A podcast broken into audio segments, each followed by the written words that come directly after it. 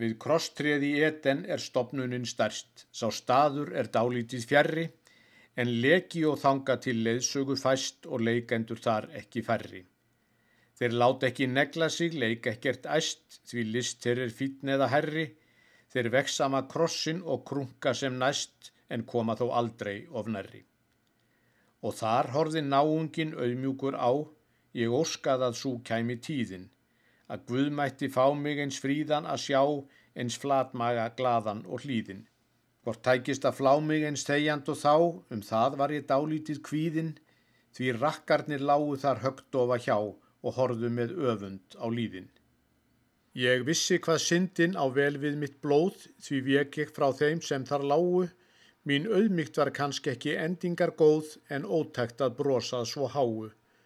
Mér gintu þau aldinn og indælist þjóð sem augun þar hvervetna sáu og landið sem óséð og ónumið stóð þar ist út í vestrinu bláu.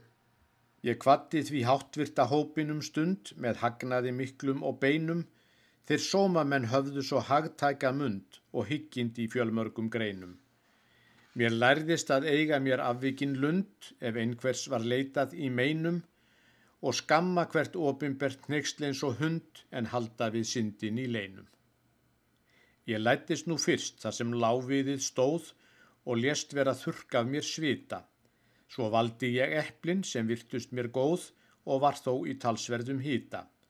Því hvort mín þar fristaði hold mitt og blóð var reynd ekki gaman að vita og enda þá skemmtun í eilífri glóð var ömt fyrir svo lítinn bita.